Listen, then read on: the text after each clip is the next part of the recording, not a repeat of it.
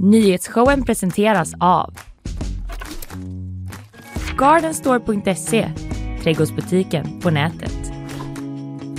FKP Scorpio, missa inte morgondagens konserter. Art Portable, Sveriges marknadsplats för originalkonst. Zcooly, mattespelet som gör kunskap kul.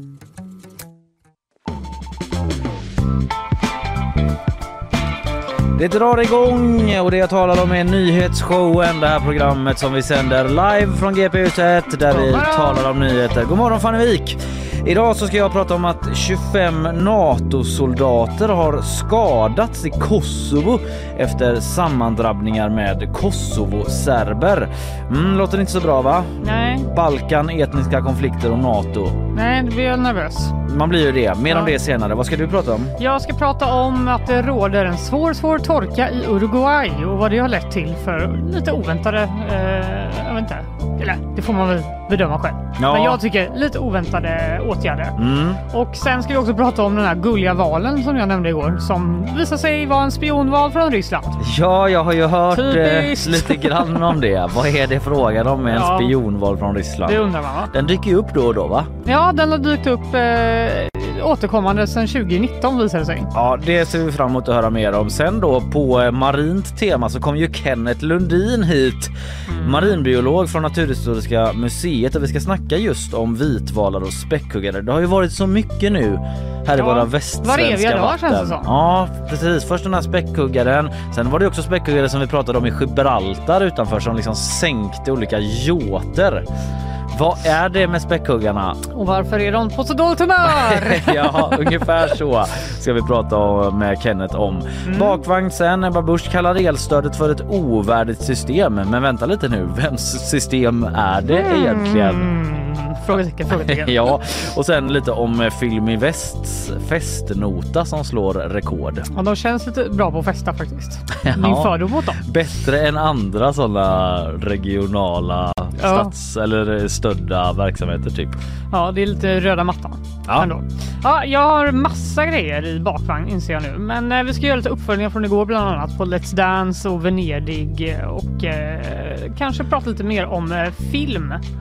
Tal om Film Väst. Att de är så mörka nu för. Ja, det är. Kritikerna rasar. Ja, Även jag. Även du, ja, Ja. precis. Ja, och så men- lite olika stadsbyggnadsgrejer ska vi hinna med också. Just det, underbara det, stad. det byggs här i stan Det ja. byggs och eh, görs om. Husbåtar och pooler. Ja, Det ska på vatten. På vatten. Ja. Ja, eh, mycket vatten idag och eh, ihopknytande av säckar då från igår. Det gillar man ju alltid. Att Eller få hur? closure. Visst är det skönt? Eh, med closure ja. Vad heter det på svenska? Oklart. Eh, Låt oss inte spekulera i det nu. Det finns säkert- Hur eh, mår du? eh, bra! Typ. Jag var ju uppe jättesent igår för att jag var tvungen att kolla på Succession.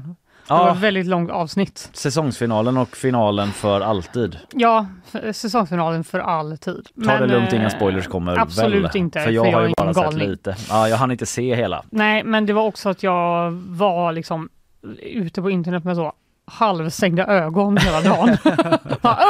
Ja, precis. Man är ju verkligen snabb på scrolltummen nu. Ja, så var det alltid att någon skrev så här. Ingen spoiler men. Ja. Och jag bara nej, jag vill inte läsa det här. Ja, jag har bara sett bilder på karaktärerna. Ja, det räcker. Jag vill inte ens veta Jag veta vad recensioner. har på sig. Eller hur? Man vill inte veta vad Man folk veta tycker någonting. överhuvudtaget. Och därför ska jag inte heller berätta något. Nej. Men eh, det är mitt läge. Hur mår du? Ja, jo, men, jo, men jag mår bra. Jag är också lite så oförlöst eftersom att jag var tvungen att avbryta Succession typ en Mm. Gud, vad halvtimme in. Ja, jag vet, det var jättetråkigt. Ja. Um, men jag kollade på det och sen så sneglade jag lite på Häcken och Blåvitt. Häcken Ja, vann med just det. 3-1 igår. Vi snackade ju upp den matchen lite grann med Ja, Robert igår. det. Och det blev, eh, ja, inte riktigt en överkörning men eh, en tydlig seger för Häcken i alla fall. Grattis! Grattis Häcken, eh, kämpa på Blåvitt.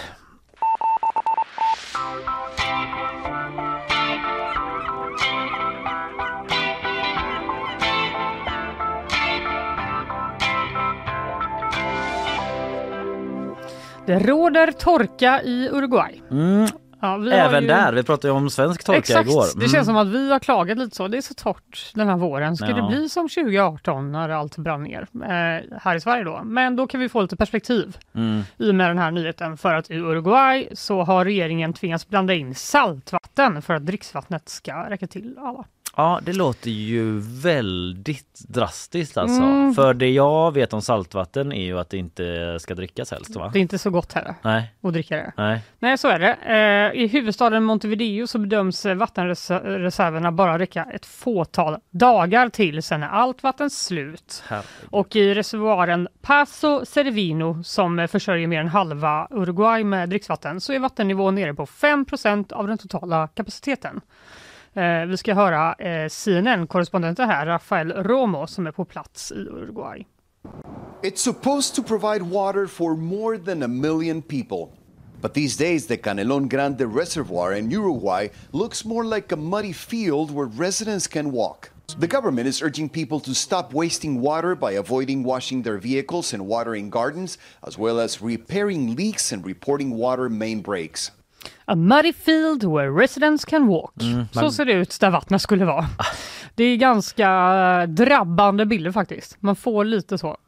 Ja, var jag bara på beskrivningen så låter det ju starkt. Ja, det känns ju ändå som att eh, vatten hittills är något som eh, i alla fall vi tar för givet. Ja, Här där vi bor. men de uppmanade medborgare att inte tvätta bilen och fylla poolen och så. Exakt, de är så här, ni kanske kan eh, inte göra det för att eh, det känns lite onödigt. Den uppmaningen kom ju nämligen i Göteborg nyligen. Ja, exakt. Jag har det lite i bakvagnen men bara föregår det att liksom, Ja, vi var, då var vi så duktiga i Göteborg på att eh, typ inte bada så mycket och tvätta bilarna eller vad man nu gjorde. Ja. Men eh, vi lyckades i alla fall spara in vatten här då. Va- Det var det nu den här helgen? Ja det var väl helgen som gick här nu tror jag. Ja, det var det. Ja vi kanske återkommer till det, nu har jag väl redan sagt det som var grejen liksom. Men okej, men det var liknande fast jättemycket värre Fast i jättemycket värre. Uruguay, Jag vet enkelt. inte heller hur det har gått med den här uppmaningen. Jag eh, tror att det finns en hel del rika invånare i Uruguay Ja. som kanske har en del pooler och sådär. Men, Det finns eh, väl här och var. Det finns väl här var. Eh, men i alla fall, det är en extrem situation. Den här vattenbristen är den värsta på 74 år uppger myndigheterna för nyhetsbyrån Reuters. Och det är helt enkelt det varma vädret och bristen på regn som har lett till att de då, regeringen måste ta till de här drastiska åtgärderna. Mm. Och det är inte bara i Uruguay. Stora delar av Sydamerika är drabbat av torka de senaste tre åren. Vattennivån i Paranafloden, som då är den näst längsta i Sydamerika, den har den lägsta nivån på 80 år. Mm. Och i Argentina, eh, som är grannland till Uruguay, där har man den värsta torkan på 60 år. Ja. Så det är kärva tider helt enkelt, inte bara i Uruguay. Men vad är det då för åtgärder man har gjort? Jo, jag var inne på det. Man har helt enkelt ändrat hälsokraven i landet eh, för Okej. att tillåta högre nivåer av klor och natrium i dricksvattnet. Natrium, alltså salt. Salt. Ja. det var typ så här innan. Det är väl inte så bra för hälsan. Så ska vi inte ha det. Nej. Och nu bara, det är väl bättre att man dricker något, Det I beror- guess. beror väl på vad man menar med hälsa. Exakt. Nej men då var jag lite så här, man jaha, definierar det. Eh, Den tillåtna mängden natrium då, läser jag, i dricksvattnet är nu 50% högre än vad Världshälsoorganisationen WHO rekommenderar. Eh, enligt Washington Post. Så det är ju ganska stor skillnad. Och man har börjat ta vatten då från det här deltaområdet Rio de la Plata. Just det. Ja, känt från eh, låten. Och min eh, Och backpackerresa. Känt från ditt liv. 2007 Ja. Exakt. Mm. Där blandas i alla fall sötvattnet från Uruguayfloden och Paranafloden. Alltså de möter då saltvattnet Behöver i inte berätta för mig? Atlanten. Behöver du inte berätta för mig? Ska jag Nej, du bara, du hoppar i där. Lite bräckt vatten här hörni. Vad är det för... eh, Ja, nej men förlåt. Okej, så där, det har man blandat ut med. Ja, man börjar ta ja. vattnet därifrån Ja, helt ja. enkelt för att eh, m- det är den, man måste helt enkelt göra det. Ja. Och då tänker man så här, jaha är det så farligt då? 50% mer natrium? Ja, det låter ju inte så bra i mina öron, men vad Nej, vet jag? Ja. Vad vet du? Eh, jo, det verkar som att det, det är okej med den här ökade mängden salt om du är frisk. Men innebär en stor hälsorisk för medborgare som är känsliga. Mhm. Eh, vissa kan till och med få utskrivet flaskvatten. Okej, man kan gå till doktorn och få en sån Mm. Evian. Exakt. Sån. Det är ju helt enkelt en bristvara så Ja. då får du det på recept. Att du Ja. ska få så här vatten som är som vatten var Det måste ju kosta staten en del pengar det med. tänker kan man tänka Om det sig. subventioneras på något vis. Exakt. Vilket det väl gör. Eh, för personer som lider av högt blodtryck, njursjukdomar eller har en saltbegränsad diet så rekommenderas ko- att kontrollera sitt blodtryck, att inte strunta i läkarkontroller och dricka vatten på flaska. Om det är möjligt, säger Uruguays minister för folkhälsa Karina Rando, läser jag på SVT Nyheter. Mm. Och det är också typ att de är så här, om ni ska ge baby formula, vad heter det, ersättning, Ja, just det. eh, kanske inte ta saltvatten då. För att det kanske inte är så bra för ditt spädbarn. Nej, bra Eh, tips. Ja, det här har, hela har i alla fall lett till protester i Uruguay. Eh, vi ska höra CNN-korrespondenten Rafael Romo igen om detta. On the streets, people are protesting almost daily, Hace seis meses están mirando. and heated debates have exploded in the Uruguayan parliament with the opposition accusing the government of President Luis Lacalle Pou of sitting on their hands. El momento complejo. Lacalle Pou acknowledged his country is living what he described as a complex moment, adding that he takes responsibility and stressing that his government is already taking measures to solve the crisis. De bara, varför har ni inte gjort så det regnar? Era jävla idioter. Nej, jag skojar. De är så, som vanligt så här, oppositionen säger, ni har inte gjort något tillräckligt mycket. För Nej. ni bara chillar och vi har inget vatten. Och de styrande säger att de har inte alls eh, bara suttit, och, suttit på sina händer, Nej. som de säger här, utan de har gjort saker. De har ju till exempel blandat in saltvatten i dricksvattnet Ja. och öppnat två nya anläggningar då som kan rena vatten från salt. Okej. Som de håller på med nu så man kan få mer eh, bottled water. Mm. Och eh, det har faktiskt regnat lite i Uruguay. Lite förra veckan Praise och det ska be. komma lite mer denna veckan. Men eh, det är tyvärr långt ifrån tillräckligt. Enligt det statliga vattenbolaget Obras Sanitas del Estado så behöver det regna minst 50 millimeter om dagen hela juni för att reservoarernas nivåer ska återhämta sig. Det lär det inte göra. Det lär det inte göra, Nej. för det är svin mycket.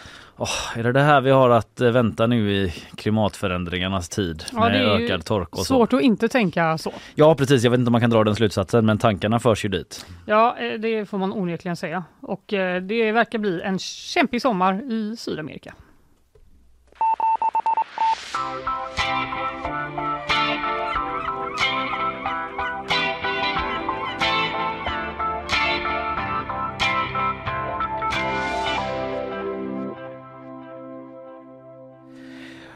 Om en stund så ska vi ta oss då till Kosovo där det skett sammandrabbningar mellan Kosovo-serbiska demonstranter och eh, NATO-styrkan. Men eh, först så ska vi lyssna på våra sponsorer. Nyhetsshowen presenteras av Gardenstore.se, trädgårdsbutiken på nätet. FKP Scorpio, missa inte morgondagens konserter. Art Portable, Sveriges marknadsplats för originalkonst. Zcooly, mattespelet som gör kunskap kul.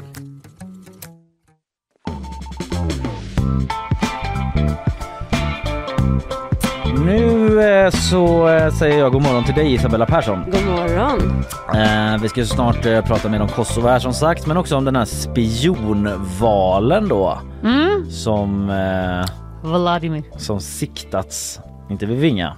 Men, Nej. eh, Säkert där med. Han verkar väldigt eh, aktiv. Ja det gör han. Mer om det senare alltså. Men eh, först nu då som sagt ett nyhetssvep. Varsågod Isabella. En skottlossning ska i natt ha brutit ut på en strandpromenad i staden Hollywood i Florida. Minst nio personer har skadats och flera av dem har förts till ett barnsjukhus.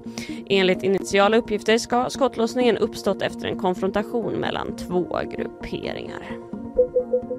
En majoritet av britterna vill närma sig EU, det visar en ny opinionsundersökning från Focal Data som tidningen The Guardian rapporterat om.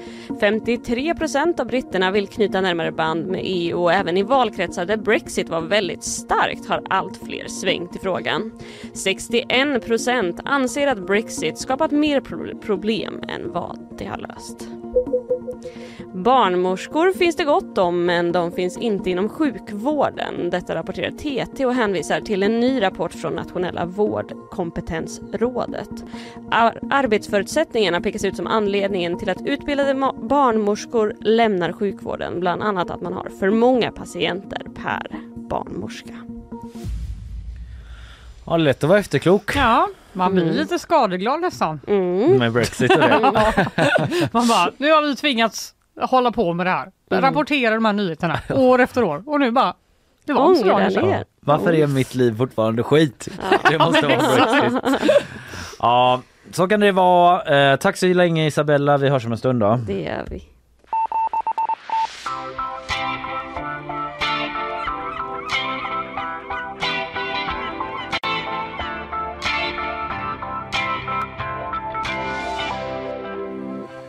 Ja, lyssna på det här då Fanny. I Kosovo har 25 fredsbevarande NATO-soldater skadats och flera av dem allvarligt efter sammandrabbningar med serbiska demonstranter.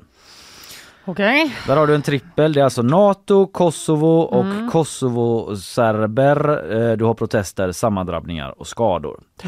Och de här sammandrabbningarna ägde rum då när etniska serber försökte ta sig in i ett kontor som tillhör en borgmästare som just blivit vald i en stad i norra Serbien som heter eh, Zvečan. Och eh, de här proserbiska demonstranterna då hade samlats redan tidigt på morgonen för att ta sig in i det här kontoret eh, till den här nyvalda borgmästaren som är av eh, albanskt, kosovoalbanskt ursprung. Vi kan återkomma till det för det är en komponent i detta. Men blev då under dagen bortmotade av poliser. Det kastades eh, gatsten och till och med bensinbomber mot polisen läser jag i vår artikel på gp.se. Och senare på kvällen då så fick eh, polisen hjälp av såna här eh, KFOR, KFOR, jag vet inte riktigt hur det uttalas ska jag vara helt ärlig med, men KFOR soldater, det är en NATO-ledd internationell fredsstyrka. Så vi refererar till den som NATO-styrka he- Yes. hädanefter här. Som är på plats då och efter ytterligare sammandrabbningar så skadades alltså 25 soldater från den styrkan. Där de flesta ska ha varit eh, ungrare och italienare. Och Ungerns försvarsminister säger att sju soldater skadats svårt och kommer att föras hem till Ungern för vård. Och eh, tre italienska skadades också svårt, det är minst tre i alla fall. Och Italiens premiärminister Giorgia Meloni har uttalat sig och säger att det hela är fullständigt oacceptabelt och oansvarigt. Samtidigt säger Serbiens president att 52 serber varav, eh, skadats, varav tre allvarligt enligt Reuters. Så eh, våldsamt, helt På klart. båda håll. Ja, och de, de här eh, ja, sammandragningar på Balkan liksom med eh, en etnisk grupp i centrum och NATO-trupper. Man drar ändå instinktivt öronen åt sig lite va? Det får man verkligen säga. Låt oss backa lite till då för förståelse. Det har eh, i flera dagar varit demonstrationer då i norra Kosovo och det handlar om det här eh, lokala valet eller lokala valen, flera olika val då, där det funnits ett stort eh, missnöje. Och då ska man säga då alltså att i norra Kosovo där är Kosovo-serber i majoritet Eh, Men i hela Kosovo så består liksom 90% av landet av Kosovo-albaner. Så 90% är Kosovo-albaner i Kosovo men i norra Kosovo specifikt så Okej. är Kosovo-serber i majoritet. Det måste man ha med sig i detta. Och eh, då var det så att de stora Kosovo-serbiska partierna eh, de bojkottade de här lokala valen. De ville inte ha dem. Eh, och det var extremt lågt valdeltagande, 3,5 procent i eh, vissa av valen Oj. enligt Reuters. Mm, det är väldigt lite. Det får man säga var lågt. Och det gjorde då att flera Kosovo-albanska eh, borgmästare blev invalda. Man verkar ha flera stycken då, eller det är flera olika orter i den här regionen som jag förstår det. Och nu kräver demonstranterna att de här eh, fyra borgmästarna som det handlar om måste avsättas enligt Sveriges Radio Ekot bland andra. Och eh, det är ju så då att eh, de flesta Kosovo-serber har aldrig accepterat Kosovo som ett självständigt land. För det blev man ju 2008 när eh, 112 av FNs 193 medlemsstater erkände Kosovo. Och eh, de här Kosovo-serberna har snarare då liksom sett Belgrad Serbiens huvudstad alltså som eh, sin egen huvudstad. Eh, Det förklarar nyhetsbyrån Reuters bland annat. Så ligger det till liksom. Och de här protesterna handlar alltså om att eh, demonstranterna inte tycker att valen är legitima. Och det var ju då när de försökte ta sig in i ett av stadshusen som allt eskalerade. Och vi fick se de här våldsamheterna som jag nämnt då. Och demonstranterna kräver att de kosovoalbanska ledarna ska bort för att lokala myndigheter som finansieras av Belgrad, alltså Serbien då, ska få fortsätta styra enligt Reuters. Och Serbiens premiärminister har nu satt eh, militären på eh, highest level of alert, alltså i högsta beredskap på den serbiska sidan då. Samtidigt som han uppmanar serber i Kosovo att försöka undvika konflikt med NATO. Så upptrappning Det får men vädjan om eh, lugn då samtidigt. Och Kosovos premiärminister Albin Kurti anklagar Serbiens president Aleksandar Vucic för att destabilisera landet medan vice ledaren för största proserbiska partiet i Kosovo sa till Reuters igår att det är tvärtom. Det är Kurti, Kosovos eh, premiärminister, som hetsar till kaos. Ah, många röster. Ja precis. Och eh, Kosovos president, man har ju både premiärminister och president. Jag rörde ihop det lite där. Men presidenten Vjosa Osmani eh, skriver på Twitter att serbiska illegala strukturer som förvandlats till kriminella gäng har attackerat Kosovopoliser, eh, KFOR-officerare och journalister. De som utför Vucits order att destabilisera norra Kosovo måste ställas inför rätta, skriver hon på Twitter. Så det är ett, eh, hårda tongångar Ja, det får man verkligen säga. med anklagelser som flyger i luften. Och till saken hör också då att för två månader sedan bara så skrev länderna på ett avtal som förhandlats fram med hjälp av EU som handlade om att man skulle normalisera relationen mellan Kosovo och Serbien. Alltså trappa ner stämningen. Men eh, det är ju motsatsen som sker nu vilket gör det här till ett liksom ännu större bakslag. Och eh, i ett eh, uttalande fördömer Nato då eh, starkt detta som de kallar för oprovocerade attacker mot deras trupper. Att det är oacceptabelt och att våldet måste upphöra omedelbart, skriver man i ett pressmeddelande. Och eh, vi på GP har faktiskt pratat med en NATO-talesperson eh, om eh, soldaterna och de här skadorna då. Och Den här personen säger att det är benfrakturer och brännskador som Okej. de har i första hand som ska ha kommit efter de här brandbomberna. Då. Ja, det kan man ju tänka sig. Mm, som kastats mot dem. Och eh, för att backa lite till då, alltså den här konflikten mellan Serbien och Kosovo. Alltså det har ju varit ett spänt läge länge men eh, det har ju varit under upptrappning bara senaste månaderna. I december förra året Även då så satte Serbien sin armé i högsta stridsberedskap efter ökade spänningar. Redan då hade liksom de största serbiska partierna i Kosovo hotat om att bojkotta valen, vilket man ju gjorde nu då. Så redan där började man flagga för att vi kommer bojkotta de här valen. Eh, vilket man också gjorde och ehm, Även i, då i december alltså så attackerades flera EU-insatser i den här norra regionen. Eh, läser jag från DN.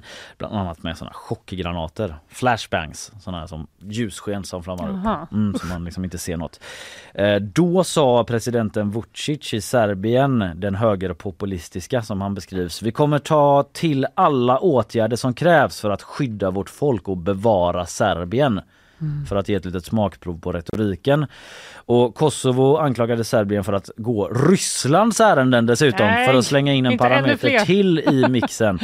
eh, och ehm, det, det, vi ska inte gå in på det för mycket men det handlar om att Serbien eh, bland annat tecknat gasavtal med Ryssland och då vägrade gå med på sanktioner mot Ryssland som EU infört och så vidare. Men det lämnar vi därhän lite grann. Ja, ja, ja. Det pågick ju också, ja, jag vet det är så mycket nu, men det pågick också en, en konflikt om nummerplåtar. Jag vet inte om du minns det? Nej. Att det var eh, mycket om att man pratade om registreringsskyltar på bilar i Okej. Kosovo vid den här tiden. För det var nämligen så att politiker i Kosovos ledning då krävde att alla som hade reggplåtar som utfärdats i Serbien skulle byta dem till Kosovoplåtar. Aha. Och det retade upp många Kosovoserber och det ledde till exempel till att många Kosovoserber som varit anställda eh, inom eh, stat och myndigheter lämnade sina poster.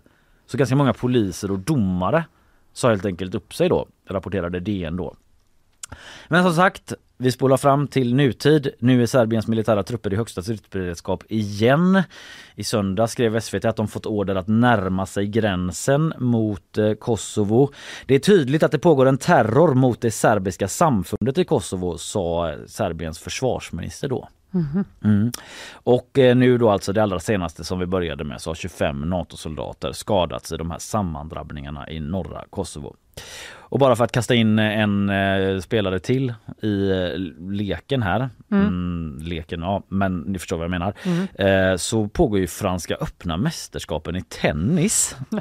Och där spelar ju Novak Djokovic Okej. som är den bästa tennisspelaren de senaste åren och typ en av världens främsta idrottare de senaste ja, tio åren eller något sånt där. Och han vann sin första match, han är serb alltså, och så skrev han en så en hälsning på kameran på linsen så signar de där ibland liksom. Eh, typ med sin Coolt. autograf kanske det brukar vara eller så. Ja. Men då skrev han en hälsning där det stod Kosovo är hjärtat av Serbien, stoppa våldet. Oj! Mm. Och, eh, Tog lite ställning. Ja det kan man ju säga och då var det inte så på presskonferensen att folk bara var så hur gick man, vad kände du med matchen? Utan han fick ju frågor om det här.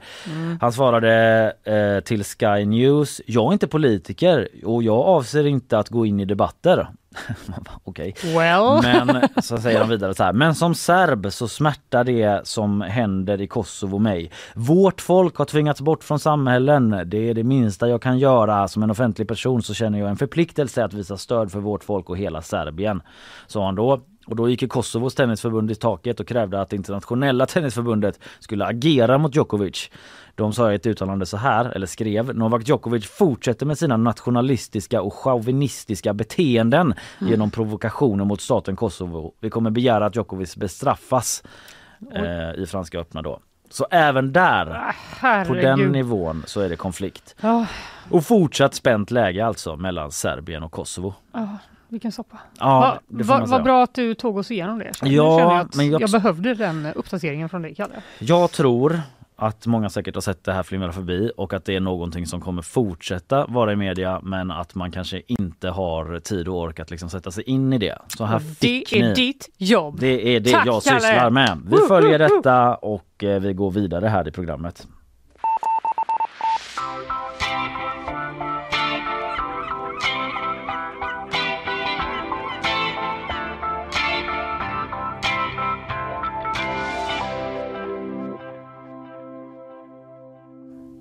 Hallå! Vi ska ju alldeles strax ha en gäst som eh, sitter här med ett litet kranium Ja, i soffan framför oss. Och då är det inte hans eget. Nej, det vill jag vara tydlig det- med. Det har han också med sig men det från en späckhuggare. Det är Kenneth Lundin ju, Det marinbiolog. är Kenneth Lundin. Men jag tänkte liksom föregå det kommande samtalet för jag måste göra en liten uppföljning på det som vi pratade om igår. Ja, Du vet när jag sa att det var en gullig, gullig val som var i Hunnebostrand. mm. Hade liksom simmat vilse, lekte lite med olika tampar, höll på att drunkna. Ja, Ja, det var det ena med det tredje. Det var i och för sig en gullig val, men det var inte bara det. Det var också en rysk spionval som heter Valdimir. Typiskt! Mm, lurad av en spion. Ja, här blev jag bländad av hur gullig den var. Ut. Tänkte inte att det var ryssen som hade sänt honom. Nej. Men det var det tydligen. Vi Ja, men det- ska liksom gå lite vidare på detta eh, med Kenneth också sen. Ja. Men jag tänker Det här att blir liksom en grund att det här stå blir grunden på. för alla som ska lyssna på det här samtalet sen. Ja. För eh, vi ska lyssna på en marinbiolog nu som heter Sebastian Strand. Han jobbar för organisationen One Whale och han har följt den här valen, eh, Valdemir, i flera år. Och han tror att Valdemir har tränats för spionuppdrag. Och här pratar han i P4 Väst. Russerne har jo ikke offisielt bekrefta eierskap til han, men det vi ser av träning som han viser att han trolig har blivit opptrent till, peker sterkt mot militære treningsprogrammer. Ryssarna har inte sagt det här är vår val. Det Nej. ska vi också vara tydliga med. Men eh, det finns ganska många då, faktorer som gör att de är ganska säkra på att det kanske är så ändå. Mm. Eh, Sebastian Strand är för det första extremt säker på att just det här då var Valdimir, läser jag i DN. För Eh, han känner igen honom exakt. typ eller? Det är Ja. ingen tvekan om att det är han. Jag har följt honom i flera år så jag känner igen honom. Han berättar då att eh, han har olika distinkta märken och ärr på delar av kroppen Mm. som han är så här, mm, det är han. Och jag vet vad du tänker Kalle. Du tänker så här. Det här låter nästan för eh, otroligt för att vara sant. Du står inte här och hittar på va? Ja, det er en ganske uvirkelig situasjon. Han er jo den eneste militærtrente hvalen i verden som nå lever fritt og oppsøker folk. Så det er en veldig unik situasjon vi har med å gjøre. Ja, den endaste militärtränade valen som uppsöker folk och lever fritt. Ja, jag känner är- verkligen som den här P4-reporten. Men vad, jag vet inte om du kommer till det då, men liksom att den är militärtränad, vad innebär det? Nej men så här, det vet, det vet jag faktiskt inte riktigt. Nej. De säger lite svepande att det är så här. Vi har, vet, vi har pratat med folk som har tränat eh, valar alltså militärt. Ja. Och det de säger stämmer ungefär överens med det som vi ser här. Men exakt vad det är, Det är inte så Det att den kan så krav maga. Okej, jättebra på... tror jag inte. Men det den kan är att simma runt med en GoPro och filma saker. Okej. Vi Och söka ingen... upp folk då. Vi, men vi såg ingen GoPro på den här. Nej, jag kommer faktiskt till det här. Ja, för, för, så här var det, för lite backa bandet bara först. För den här eh, organisationen då, One Whale som Sebastian arbetar för då, den startades i Norge 2019 när Vladimir först, Vladimir, Valdimir Mm. först dök upp. Och han blev typ en rikskändis och blev så viral i Norge. Ja, och då startade de lite. den här, One Whale. Eh, De jobbar då tillsammans med myndigheter, forskare, veterinärer och andra experter för att då den här valen, som inte är van vid att leva i det vilda, ska må bra och inte typ råka ut för en olycka. Mm. Eftersom han då eh, kanske rör sig i närheten av propellrar, olika fiskekrokar, olika tampar. Han håller på att drunkna. Ja. Precis. Väldigt dålig spion. Förlåt men Ja, han bara, vad vi vet ja, det kan ju också vara en täckmantel att han är sådär klumpig. Ja. Han behandlas i alla fall inte som en spion, han behandlas som en stackars val som kan råka ut Mm, för en olycka helt enkelt av dem. Och nu så tror de att eh, Valdemir kanske lyckades då fly slash rymma till Hunnebostrand under ett uppdrag. Detta eftersom han hade på sig någon slags sele. På grunn av at han fortsatt hadde seletøy på seg når han ble funnet, så tror vi kanskje han har kommet unna under ett oppdrag. att de har mista han eh, Et eh, harness, eller seletøy, eh, som är för festing av GoPro. och det bruker de da for å kunne få hvalene til å filme forskjellige mål. Ett seletöj. Eh, Helt enkelt en kamerasele då som han har haft fäst på kroppen, även förr då när de har noterat honom. Och den här kameraselen är också ett ganska, en stark ledtråd till varför OneWell är så säkra på att eh, Valdemir är just en rysk spion. För när han dök upp i Norge 2019 så hade han på sig en kamerasele där det stod Property of St. Petersburg. Vad smart! De Ja, bara, kolla vår spion! men det kan ju inte vara så dumt. eh, Nej, det är ju nästan som man undrar om det är någon som försöker lu- luras. Ja, Men det, tydligen var det så. väldigt konstigt. Men han simmar runt där då med GoPro för att liksom kartlägga havsbotten då antar jag. Det finns, Ja, eh, förmodligen. ja, och det här med vad att det är han för söker aktivitet. upp folk är väl att han ska vara liksom i hamnen då. Och, alltså, Söker hur ser det upp ut i folk. den här? Hur, hur ser det ut i hamnen? Det ser Man ut så här. går på någon sån boardwalk har man så. Psst. Här nere! Alltså, liksom Så är det bara Valdemir som bara, har du några hemligheter att dela med dig av kanske? Mm. Nej, men Sebastian Strand säger att vi vet att den ryska marinen har träningsprogram för valar. Vi har också varit i kontakt med en av de som har tränat honom, så vi har ganska goda bevis. Allt pekar i den riktningen.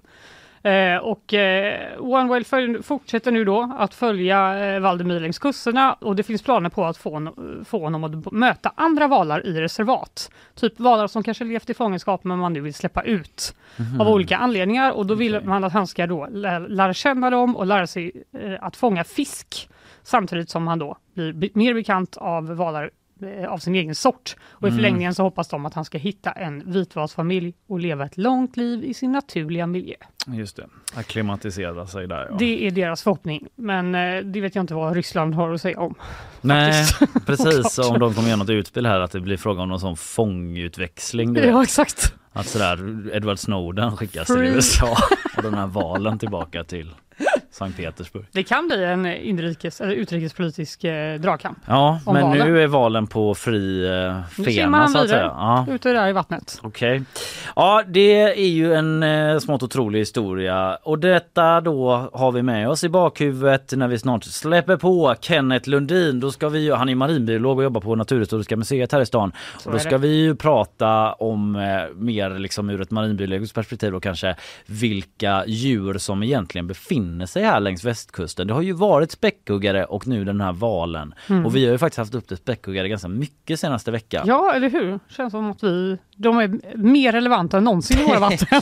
Ja, och även i Gibraltar då där vi pratade om de Just här det. späckhuggarna som liksom sänkte olika yachter med eh, ett hämndmotiv så som det stod i artiklarna. Mm. Hur hämndlystna är späckhuggare? Den frågan ställer vi till Kenneth här om en liten stund. Eh, Men eh, innan vi gör det så tar vi och lyssnar på våra sponsorer. Nyhetsshowen presenteras av Gardenstore.se, trädgårdsbutiken på nätet. FKP Scorpio, missa inte morgondagens konserter. Art Portable, Sveriges marknadsplats för originalkonst. Zcooly, mattespelet som gör kunskap kul.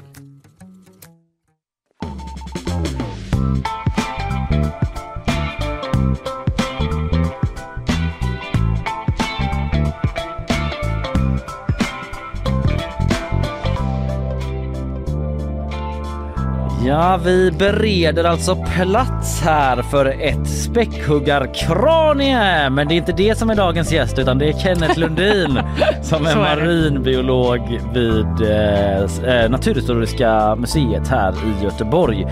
Eh, god morgon Kenneth. God morgon, god morgon. Eh, jag ska hjälpa dig lite med där har du mikrofonen lite Ja. närmare.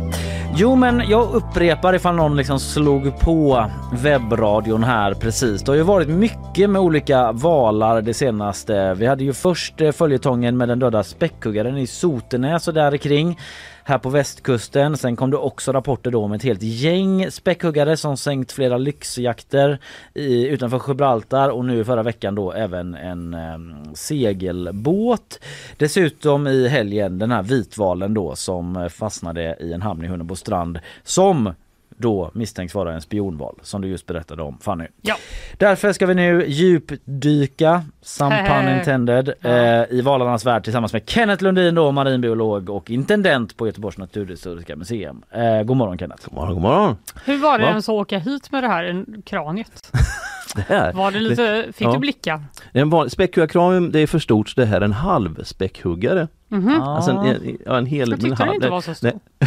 Arten heter halvspäckhuggare och den dyker också upp här på västkusten ibland. Mhm. Eh, väldigt sällan. Ja. Men den är här också. Det är ett ganska rejält kranie vi Ja. tittar på. Ja. Alltså är den eh, som det låter hälften så stor som en vanlig späckhuggare? ja, upp till 6 meter och en vanlig späckhuggare kan gå upp till 10. Okej. Ja. Ja, jag googlade den eh, tidigare och det såg lite ut som en drönare tyckte jag. den det- var helt svart. Ja, och- helt svart och helt slank. Ja, Falsk späckhuggare läser jag. Det är ju samma. ja, det är också ett annat variant. Ja, ja. Ja. Men du, vi återkommer till späckhuggarna då. Om vi börjar Mm. med vitvalen här. Mm. Eh, Du hade lite senaste nytt om eh, dens, eh, vart den befinner sig och så. Ja, jag har inte hört någonting idag men igår så siktar man, det, det kom en film ifrån eh, Stockvik. Mhm. Alltså, alltså det finns inte den på Tjörn utan den som är eh, mellan Grundsund och Fiskebäckskil. Söder om Ja, det är, om, Ly- mitt emot Lysekil, Ja. där simmar den då, över 10 snåret igår. Så att den, den, den ger sig ju söderut. Mm. Så det är frågan då om den ger sig in i, i Gullmarsfjorden längre in eller om den har fortsatt söderut. Och vem vet, den kanske redan är i Göteborg, Göteborgs skärgård. Ja men det är möjligt. Känns och det som är en så att, kändis i stan, som har Tom Ja, Hanks. det ju här. lite så. Ja. Det är så här att, att eh, på, på den ryska sibiriska kusten är det så att eh, vit, vitvalarna går in i floder, i flodmynningar.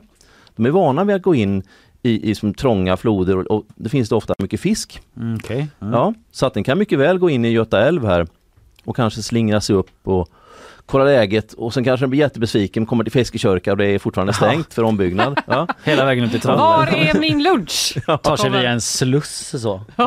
Hela vägen upp. Okej men vad intressant men alltså när du hörde om den här vitvalen då i Hunnebostrand första gången fick du de här spionmisstankarna eller vad tänkte du? Jag tänkte oj, nu har, jag, nu har han kommit hit för att han var, i, jag var, han var i den inre delen av Oslofjorden Mm. och, och, och fjäsk, fjäskade för folk och stack upp huvudet och gapade och ville ha mat. Mm. Men att han plötsligt så dyker han upp nere i Hunnebo strand och tänkte oj, han kan simma snabbt Mm. Mm. på nätterna eller vad han, eller vad, vad han gör. Ja, Ja. men han är ju lekfull och sådär och sen även då forskare som har följt honom i Norge, de vill ju att man inte ska gå, man ska inte uppmuntra det här för mycket men det har, antagligen är han hårt tränad på det här. Mm. Mm. Alltså tränade att... eh, Ja, vara med människor upp så, och bli matad. Det är så svårt att förstå. Och Det är så här, nu är ingen här någon underrättelseexpert Mm. men vad de får ut av det, att han ska närma sig olika människor. Ja men de har tränat upp, antagligen har vi tagit den som en kalv ja. ifrån någon, någon, någon rysk flodmynning gissar jag. Ja. Och så har de tränat upp den eh, så någon person har nära förhållande till den. Men letar efter mat. Och I Norge har den länge hållit sig till alldeles, eh, nätkassa där man odlar lax för där finns det annan fisk eller lite rymlingar av lax som håller sig nära där för det, Mm. det fo- utfodrar man ju fisken. Va? Och de fiskarna är feta och goda och lätta att fånga. Mm. Okej, men annars då eh, vitvalar, är det någonting som eh, dyker upp i våra vatten? Ja, det, det finns här. Ja. Fast väldigt, väldigt sällsynt. Nu vet jag, det var 8-10 år sedan det var en, en vitval senast som han siktade eh, nere i Halland, Falkenbergstrakten, långt utifrån strand, för 600 meter ut. Och sen så simmar den eh, norrut och så att det var några eh, eh, jag tror räddningstjänsterna som hade, de hade siktat den Mm. eh, i Göteborgs norra skärgård och sen försvann den. Men den är skygg. Mhm. Den håller sig så alltså långt ifrån människor som det går. Mhm. Så att Valdimir har ett totalt annat beteende. Precis tvärt emot. Just det, Valdimir. Nu Verkar landar la den ordvitsen hos mig. Ja. Sent omsider. Ja. Jag borde sagt det mer eh, Ja, Kenneth sa det så tydligt Ja, och det är det, jag är en av behöver oss som är mer pedagogiskt lagd Ja. tror jag och det är absolut inte Jag jag. ska säga, eh, eh, vitvalar, de, de skiljer sig mot andra ehm, valar just att de kan vrida på huvudet lite grann. Va? Ja. Okej. Ja. Jo, så att, så att den är, de blir de lite mera mm, mänskliga nästan i Ja. uttrycket då. Det är att de är vana vid att röra sig i liksom, lite trånga utrymmen. Så. Just det, de Ja. här eh, flodmynningarna och Ja, sånt. Ja, För Det andra, var det när han skulle simma förbi dig. ja just det. Ja, den läget. Tjena! Ja. ja, för andra eh, valar, ja, delfiner, tumlare så är det viktigt att ha en liksom stel, stel nacke när de ska simma snabbt. Ja, ja, det är därför Ja. Ja. vad intressant. Alltså, ehm, vad tänker jag på? Jag antar att man inte behöver liksom gå runt och vara rädd för vitvalar. De är väldigt skygga säger De är väldigt skygga ja. Vad ja. äter de? De, de, naturligt så plockar de olika sorters djur från botten. Mhm. De, de, har, de har ganska kraftiga läppar så att de liksom går ner till botten och suger i sig grejer. här. Okej. Och då kan de då suga i sig ja, mm, bläckfisk, eh, en krabba. kräftdjur, ja en krabba ja, ja någon Mm. sån här Kamchatka-krabba. Eller ja, lite, lite bland annat så. På grund av att de rör, kan röra läpparna så mycket så kan de ju göra såna här ehm, eh, Ungefär som rökringar fast med luft istället. Sån här, I vattnet luft, liksom. Luftringar Ja. så gör de, kan de göra i akvarier då. Ja, vad coolt. Ja. De här Kamchatka-krabborna, är inte de så invasiva arter? Ja, man har ju satt ut dem upp, upp i, ryssarna igen då, Ja. uppe i Murmansk. Eh, De har tagit dem från Kam- Kamtilla havet då och satt ut dem där. Så där har det blivit jättemånga. Så har de kommit upp till Nordnorge, till Lofoten ungefär. Men de vill ha kallt vatten och där Mm. kommer, då möter de en, en, en, varm ström av, av av, av, ja det är Golfströmmen som Ja, går upp där. ja. Och då blir det lite för varmt för dem. Så troligen så kommer de inte längre. för att de måste gå djupare ner för att det ska bli lagom temperatur och det är inte lika mycket mat. Ja, men jag tänkte att det var bra då att det fanns lite vitvalar som liksom höll den här populationen i schack Ja, då eventuellt. kan det mumsa i sig. Tack Ja. och, Mm. eh, och inte tack till Mm. Ryssland som Ja, stod för båda. Så jag tror inte att vi får se några Kamchatka-krabbor. eller Nej, så. nej, det var ett sidospår. Mm. Ja det får man ändå säga. Men jag tänker att den här valen då, Valdimir, Ja. det är den enda eh, militärtränade valen i världen som lever fritt och söker upp folk. Ja, Eh, vad- vi känner vi. till. Vad vi vet Vad, ja. vet, vad vet vi? I alla fall eh, som är så social Ja, så att eh, ja. den dyker upp. Men hur svårt är det att liksom, träna en vitval så att man kan bara släppa ut den på havet och se Ja, det till måste- att den gör ett Det uppdrag? måste ta lång tid. Ja, Ja, de växer långsamt och så att det måste ju vara tränare som har jobbat väldigt personligen med den. Då. Så, ja. de kanske är jätteoroliga nu. Mm. Ja, ja, det här One Way hade ju varit i kontakt med någon Ja, som precis. kanske är jätteoroliga. Ja. Och de är nu oroliga för att, liksom, att ska den få mat och det finns inga laxodlingar på svenska kusten. Ska vi börja mata den eller de har även diskuterat att ska den fångas in och skickas upp till Norge? Ja, ja det är, man undrar ju hur mycket liksom, viktig underrättelseinformation de får ut av den här valen egentligen. Men det Mm. kan vi väl bara spekulera i. Ja. Ja, men det kanske är det då om Valdimir vad vi vet, vi vet hittills. Mm. Sen kanske, har vi då... kanske är här utanför. Ja, just nu. Kanske just nu ja. Och bara utger sig för att vara gullig men är i själva verket Alla som är vid stranden idag får titta, de får spana. Ja, spana, skicka in till nyhetsshowen på Instagram om ni ser någonting så kan vi vara först med det. Breaking the news. Eller GP kan ni skicka det till också. I alla fall då, vi har ju den här späckhuggaren också då i Sotenäs som det var ett himla uppmärksamhet kring Mm, eh, mm. nyligen. Eh, som ju eh, dog då. Men vi kommer till det också. Men så här, bara den uppgiften att det fanns en späckhuggare här i eh, vattnen utanför västkusten skakade ju mig i grunden. Mm. Eh, Du hur- blev rädd. jag blev rädd. Jag ska vara ärlig och säga. Jag blev rädd. Vad, hur vanligt eller ovanligt är det med späckhuggare utanför västkusten? Ja, nu vet vi att det har etablerats en grupp med späckhuggare som rör sig längs med västkusten som är ett, ett dussintal ungefär. Mellan Okej. 10 och 15 stycken. Ehm, det finns tecken på att de kanske börjar liksom kalva i våra trakter. För de, så att de har ju de har kommit hit för att stanna. Och de är ju här eh, sällan man, ser alla på en gång, kanske mindre grupper. Men Ja. det rör sig ungefär runt så många. Och då är de då, de rör sig från ner till eh, Onsala och sen upp längs kusten och sen så ut i eh, Nord, Nordsjön en bit. Den östra Ja. delen av Nordsjön för Skagen, kanske ibland upp till Norge en liten bit men sen kommer de tillbaka. Särskilt nu så kommer de in på försommaren men när makrillen kommer. Så att det, det är varje försommar, vet nu kommer snart eh, späckhuggarna in. Späckhuggarsäsong liksom. Ja, det är väl lite grann, är det så? Ja. Glöm inte att vaccinera dig mot TB och se upp för späckhuggare. Se på späckisarna. Men de här, Det är väl något man vill se tänker jag. Ja, det låter jättekul. kanske. ja, men de vill ha, för de vill ha makrill. Ja, vem gör inte det? Och sen den här den här som dog nu, han var, den var ju gammal, en gammal hanne så att den gick ju in för att lägga sig och, och dö i, i lugn och ro. Ja, är det så de gör? Ja, Mm. men så, är, så kan det vara med, med, med sjuka valar, grindvalar eller andra valar att när de är dåliga då går de in och lägger sig och så i lugn, ja de mår inte bra och man kan se kanske en bild på dem om de är lite insjunkna bakom spruthålet, den där är i dåligt skick. Mm. Men det kan vara så att eh, första reaktionen hos människor som ser den här att "Ja, vi måste rädda valen just och så det. drar de ut den. Ja, just det.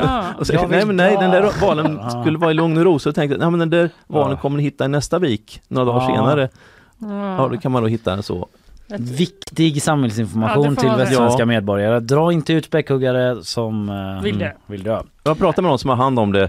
Ehm, men det är också att man ska ha respekt för djuren. Ja. Och i och med att den var, jag såg ju det här att de, de hade filmat båtar som hade kommit nära den här späckhuggaren. Att, att den betedde sig onormalt som en späckhuggare. En, en frisk späckhuggare drar ut. Den stannar inte så där nära.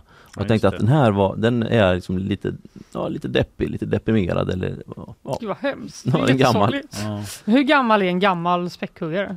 Ehm, om det är en hanne så kan de bli upp till 60 år. Oj. Är det en hona så kan det bli alltså lika gamla som vi. 90.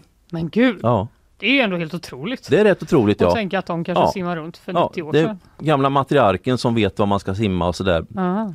Och sen är det så att de, de blir gamla, det beror på att de sliter ner tänderna. Så att den här hannen har helt nerslitna tänder. Så tycker jag är jättekonstigt, man ska slita ner tänderna på att käka makrill och en och annan sill. Mm. Ja, Jag, jag vet inte hur de bär sig åt. de kanske sover så gnisslar tänder. Det kanske de gör ja. Men den här späckhuggaren då, den eh, skulle tas tillvara och tas hand om av Naturhistoriska i Stockholm. Ja, Riksmuseet. Hallå! Vad Hallå, händer? Varför ska den dit? Eh, De, nej, men det är de som har ansvar för det där. SVA också, Statens veterinärmedicinska anstalt, eh, tar prover och, följer det här med miljögifter och sånt där i, i späck. Och så, Ah, så ja. att det är de som har, har uppdrag för det här, att sköta det här. Så att Ibland kan det vara så att vi blir någon slags mellanstation på Naturhistoriska museet här i Göteborg. Ibland hamnar saker hos oss. Mm. Eh, det, det får vi som, ja, göra upp sinsemellan. Ja. Nu diskuterar de om de kanske skulle ha ta med sig kraniet då, men det kräver, det är mycket arbete. ja, det kan jag tänka Ja, mig. Nu lyfter de ju upp den där kommunen så att nu ligger den väl på någon deponi någonstans. Men alltså nu kanske det blir lite grafiskt här, risk för det i alla fall. Men hur går det ens till? Alltså man forslar hela späckhuggaren i sin helhet dit upp och sen liksom går loss med såg och... Ja, det gjorde de, jag såg de tog proverna i eh, ja, någon deponi i närheten av, av där de har Sotenäs. runt- Ja, runt i Sotenäs, runt, där ja, någonstans. jag vet, nå- någonstans där. Är det någon ja. typ av kylrum man är då? Eller liksom? nej, nej, det gjorde de fritt som det är nu. Ja. Utomhus liksom? Ja. Jävla massa fiskmåsar. Ja, Två saker som Kalle jag får gräva väldigt hål. rädd. Ah, min mardröm. De kanske borde ha sänkt den istället. Eh, dra ut den och sänka den så att det blir Ja. naturligt sätt. Eh, det. det. finns speciella djur som käkar på döda valar på havsbotten. Vilka Ja, då? Ja. Eh, En speciell slags mask, käkar lever av oljan och sen så då krabbor och allt möjligt tugga på den där. Ja, Mm. naturen. Påkärringshajar. Ja, Men du har ju med dig då en annan eh, skalle här då från Mm. en eh, halvspäckhuggare. precis. Vad Ja. kan man utläsa av den? Den här halvspäckhuggaren kom då från 1934 alltså utanför Vinga. Mhm. Och, och ja, den var död där. Så ja, den var ganska ung. Man kunde utläsa då att den hade liksom tänder som är spetsiga. Sådär. Ja, du håller upp Det är här kan man se i här. kameran. Tänder som är, en- vad kan de vara, en 3 centimeter? Ja, då, och på späckhuggaren då naturligtvis lite större. Ja. Så att det här var en, jag vet inte varför den här dog. Nej. Och halv... Är de vanligare de halvspäckhuggarna? Nej, de Nej. är ovanligare och man vet väldigt lite om dem. De Mhm. håller sig långt ut i havet, Ja. ut i Atlanten eller Stilla havet. De finns globalt. Okej. Så det var en ovanlighet att Ja. den eh, hamnade vid Vinga då? Så här är, vad gäller de här halvspäckhuggarna är det så att det är döda djur som driver i land. Man hittar Ah, ibland. ja, okej. Så de har drivit dit då. Men annars då späckhuggare, bara lite generellt, eh, vart, eh, liksom, vart trivs de som bäst? Späckhuggare finns över hela världen, Ja. överallt. Och de har, på olika ställen lever de av, av olika eh, föda. Mm. Eh, f- eh, jag, jag Sälar har man hört om. Ja, ja, på sina håll. Där, ehm, i- utanför Alaska, så där, British Columbia, där käkar de ju lax. Mhm. De som finns här närmast upp i Norge finns det ju jättemånga som äter sill. Mm. Och um, i Chiles kust, där tar de ju pälssälar vid kolonierna där. Mm. Och nere i Antarktis så är det många del som ja, de ger sig på vädersälar eller på pingviner. Och i. Gibraltar ger de sig på jåter då. Ja, Ja. grejen är den att de käkar tonfisk. Aha. Och de, det finns en del idéer om att, att det är en av de här, det var unga, tonf, eh, unga busar, tonåringar till, till späckhuggare, kallas för eh, Gladys, de här tre. Att, att en av dem hade ett, ett jack i huvudet av en, av en, av en eh, propeller då, Ja. att den skulle hämnas på något vis. Ja så stod det ju i Ja, nyhetsrapporteringen. och det låter lite, tänker man som, som människor tänker. Men andra forskare har tanken att det kan bero på att eh, för typ för tio år sedan ungefär fanns det väldigt lite tonfisk. Den Mm. var ganska hårt överfiskad. Och så gick EU in med hårdare regler, eh, begränsningar på tonfisket. Och då började tonfiskarna komma tillbaka och det var då den började dyka upp på svenska västkusten. Vi har ju fått tillbaka tonfiskarna. Okej. Eh, Men i alla fall, det som hände där var att man såg att eh, antalet eh, späckhuggare där som finns runt Gibraltar upp längs eh, kust- kusten i Portugal eh, de minskade med, med en tredjedel för det Aha. fanns för lite tonfisk att äta. Mm.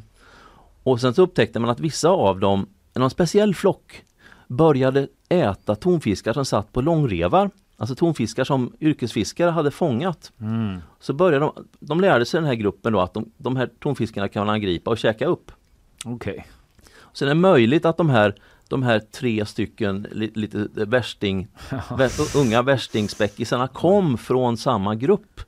Från- Och, att de sen lärde sig, i och med att den här långreven satt i en fiskebåt, att de blev, lärde sig gradvis att gå nära båtarna Mm. och, och, och leka med dem, eller interagera. Och de biter ju i rodret, de har de har ju vält, de har ju fått två båtar att sjunka. Ja precis, det är Ja, ju väldigt att- dramatiskt. Hoppas att de inte lär sig det, att de inte för med sig van. För nu verkar det så att någon, en hona där, Gladys White, som har blivit lite större, har lärt nya späckhuggare att attackera fiskebåtar. De kanske uppfattar de här som en konkurrent om Ja, tonfisken. Men nu, har det, nu är det mer tonfisk igen. Mm. Att de har ju det att äta. Men nu har de lärt sig det här att de går och biter i rodren och håller på liksom timtal, hela dagen kanske bita i rodret på en båt. Mm. Och de, först var det små segelbåtar. Så eh, en, en bit av, och portugisiska kusten så får man inte segla längre med en medelstor segelbåt Nej. på grund av faran för, av späckhuggarnas Är det späckhuggarattack. sant alltså? Oj. Och så har de då gett sig på fiskebåtar.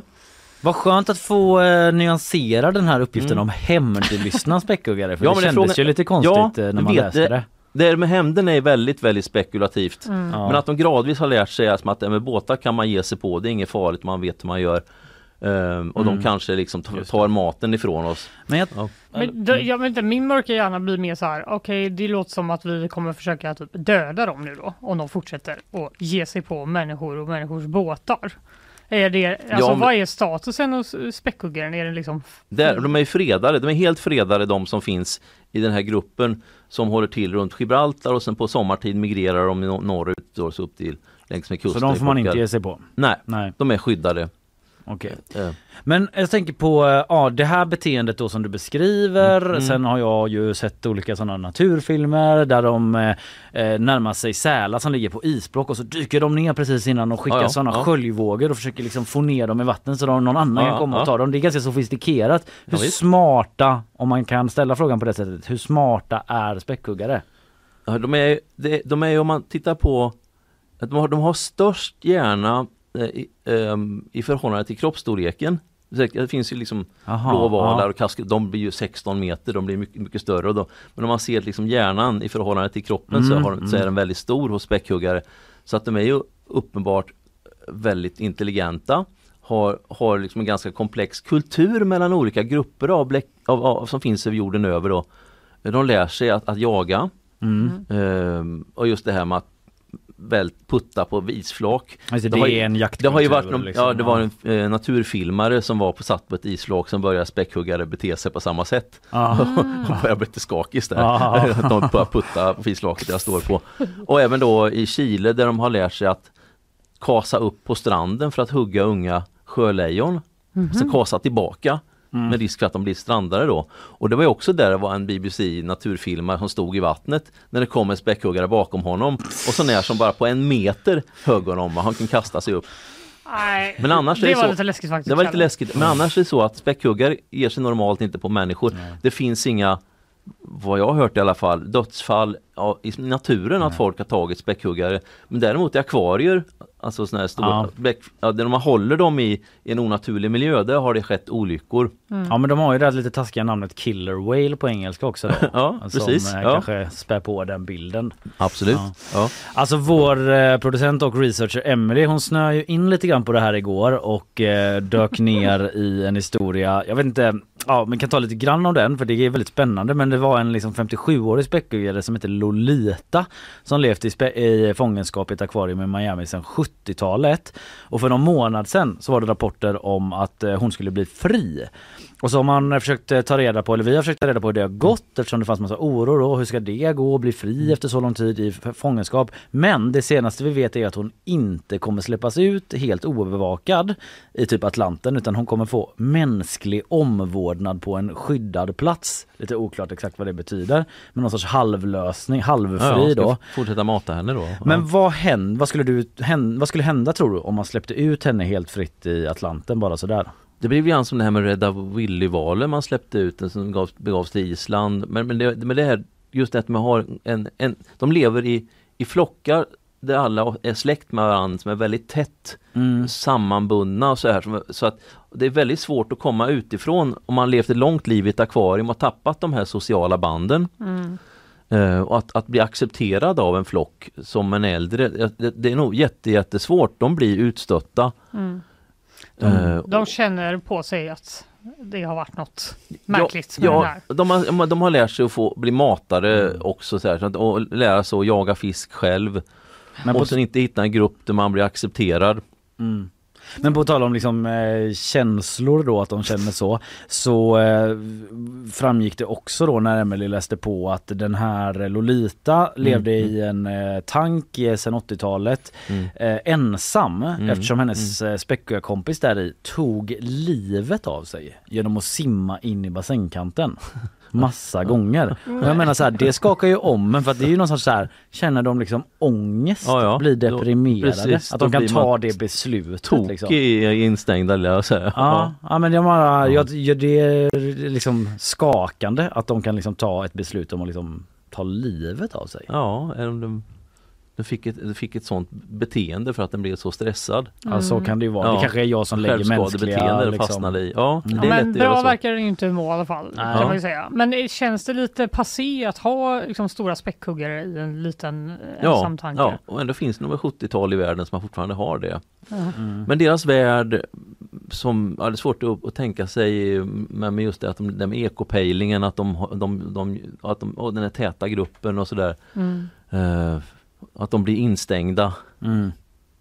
Ja. Ja, nej det ska man inte göra. Nej. Det, tycker jag, det, det blir fel. Ja. Ja, det säger alltså Kenneth Lundin då Mm. från eh, Naturhistoriska museet här i stan, marinbiolog och intendent där. Eh, vi eh, har ju då fått lite nyanserande bild här av skönt, eh, de hämndlystna späckhuggarna. Ja. Och, Blir du mer eller mindre rädd? Eh, mer. Ja. Eh, nej men jag blir mer rädd av att, eller så här rädd, jag är inte så himla rädd när jag typ badar på stranden men jag tycker ändå det är obehagligt. Det rör upp känslor i mig att du säger att en flock på typ så 15 späckhuggare Mm, Ja, men de- de etablera käkar- sig i Halland! Hallå, Där är jag ja. på sommaren! Stoppa Men mig de, de vill ha makrill. Eh, grindvalar kan bitas mer, det är väl de kan bitas i. Se upp för dem. Googlar grindvalar så snart jag kan. Håll dig på landet Kalle. Ja jag får göra det. Men du Kenneth, eh, Ja. stort tack för att du kom hit idag. Ja, Eh. Vi ser säkert dig här igen. Och eh, kom ihåg då om någon siktar den här vitvalen som Mm. eh, eventuellt är på väg söderut. Hör av er till GP, Ja, eh, Nyhetsshowen eller till Naturhistoriska. Ja visst, inte? något stort vitt som rör sig i vattnet. Ja, skicka vandrar. bilder. Ja, ja. Okej, tusen tack Kenneth. Eh, Tackar. Vi ses och hörs. ja, hej.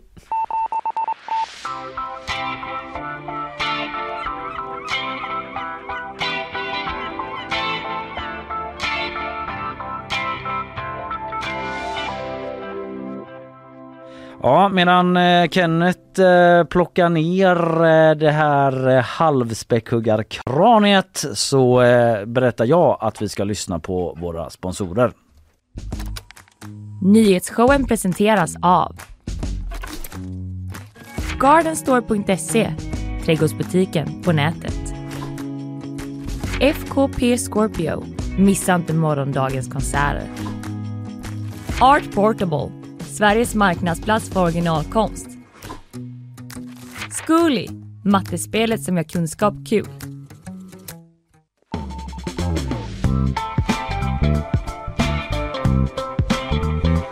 Eh, häng kvar, vi ska snart in i bakvagnen och få ett nyhetssvep också bara om en eh, 15-20 sekunder här.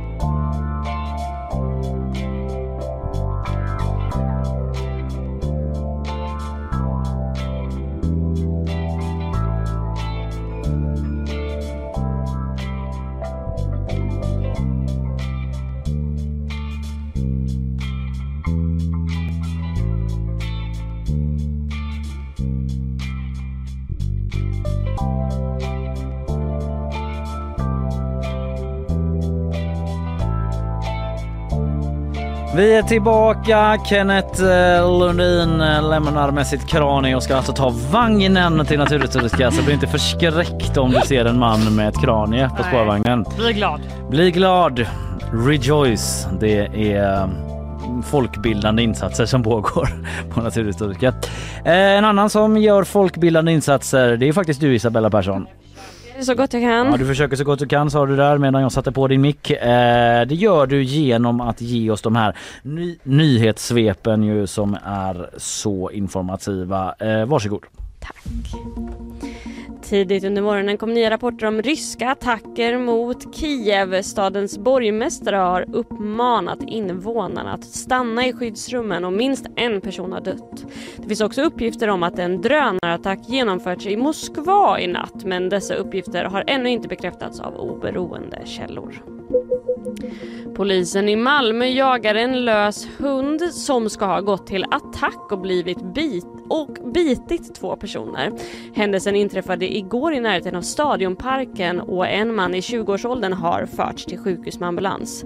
Polis sökte hunden med bland annat drönare men vid midnatt hade varken hund eller ägare lokaliserats. En skottlossning ska i natt ha brutit ut på en strandpromenad i staden Hollywood i Florida. Minst nio personer har skadats skadats och flera av dem har förts till ett barnsjukhus. Enligt initiala uppgifter ska skottlossningen uppstått efter en konfrontation mellan två grupperingar. En majoritet av britterna vill närma sig EU, det visar en ny opinionsundersökning som Focal Data gjort. Eh, 53 procent av britterna vill knyta närmare band med EU och även i valkretsar där Brexit var väldigt starkt har allt fler svängt i frågan. 61 procent anser att Brexit skapat mer problem än vad den har löst. Tackar för det. Vi ska in i uh, bakvagn här snart. Jajamän! Vad har du med dig Fanny? Massa grejer. Massa alltså jag blev grejer. nästan så. "Åh, hur ska jag hinna med allt det här? Vi får väl se vad vi hinner med, så är det väl alltid. Så är det alltid. Men det blir lite uppföljning om det här gröna vattnet i Venedig va? Ja, det blir det verkligen. Jag ska prata lite om Ebba Busch eh, och som Ja. kallar det här elstödet som de skickat ut för ett eh, ovärdigt system. det slutar aldrig med det här elstödet. Nej. Tack Nej. Isabella, vi Tack går så vidare. mycket.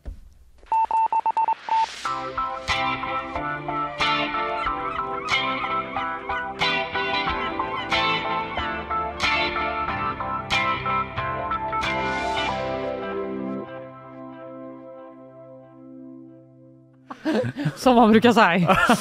Men, eh, ja. Nej, ni får aldrig veta vad vi sa. Nej det var ett Så är det. jätteroligt skämt av mig. Det var ett Kan jätteroligt återberätta skämt det nästa som vecka. bara vi får höra. Ja. I alla fall, eh, jag ska göra två uppföljningar till från Ja. eh, saker vi pratade om igår. Mycket det bra. första var ju att vattnet i Venedig färgades grönt. Och ingen visste varför och eh, hur och vad eh, som hände. Nej, man hade sina misstankar om någon klimataktivist sådär. Exakt. Sa vi igår. Men eh, det som är grejen nu då är att det står så här. Enligt eh, nyhetsbyrån AFP så har mysteriet lösts. Eh, men jag vet inte, jag håller inte riktigt med. Det man har, det man har visat är att det var färgämnet fluoresin som vanligtvis används för att testa avloppssystem som hittades då i vattenproverna från det här vattnet. Okej, så man vet vad det var som Ja. färgade vattnet i alla fall? då? Exakt, och enligt miljömyndigheterna så visar inte proverna på några giftiga ämnen. Okej. Så kanske är det någon som älskar miljön som har släppt ut det eftersom det inte var giftigt. Just det, kanske. Eller så är det, vad var det du sa att det gjorde, att man använde det till? Att, Man eh, använder det för att testa avloppssystem. ja, för då det kanske bara. det är någon sån testgrej som har gått för långt. Exakt, för det man inte har löst är att man vet inte vem som hällde i eh, det här ämnet i kanalen och polisen undrar fortfarande, kan det vara en klimataktion?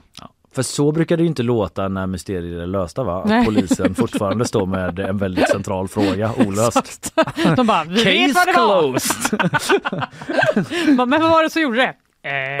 Italiens minst noggranna polis slår till igen. De bara, check, nu går vi vidare. Vi har fler brott att lösa.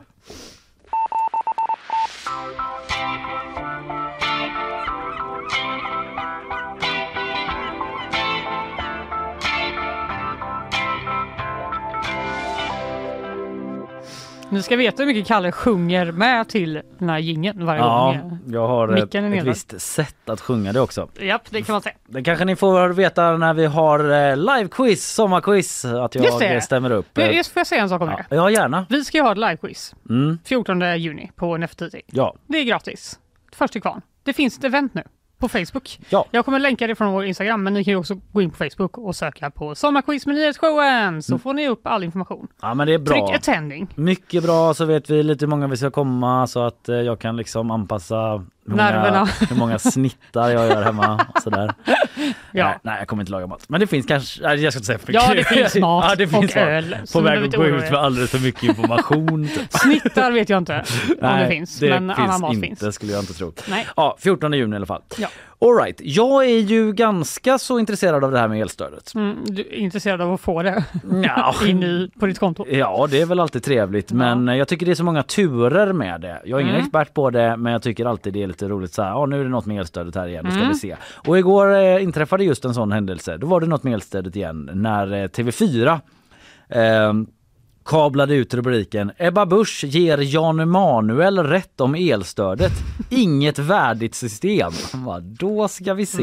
Vad handlar nu Mm. Det blev detta ett om? klick från Kalle Berg. Det blev det absolut. Och eh, då handlar det om att Jan Emanuel, socialdemokraten, eh, milja- miljonär och debattör. Mm. Jag lite osäker på om han, eh, den är han tidigare socialdemokrat. Ja, just det. Han har eh, avvecklat sig från det. Ja, eh, men han är ju också någon sorts entreprenör då eh, och Eh, han eh, skrev då eh, när han var kritisk mot elstödet att han får för mycket pengar som han uttryckte det för sina pooler och semesterboenden och garage. Och han blev rasande.